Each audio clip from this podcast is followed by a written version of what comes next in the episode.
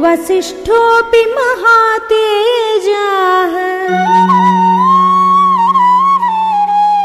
ये चेमे तपसि स्थिताः। यदि ते धर्मलाभम् च।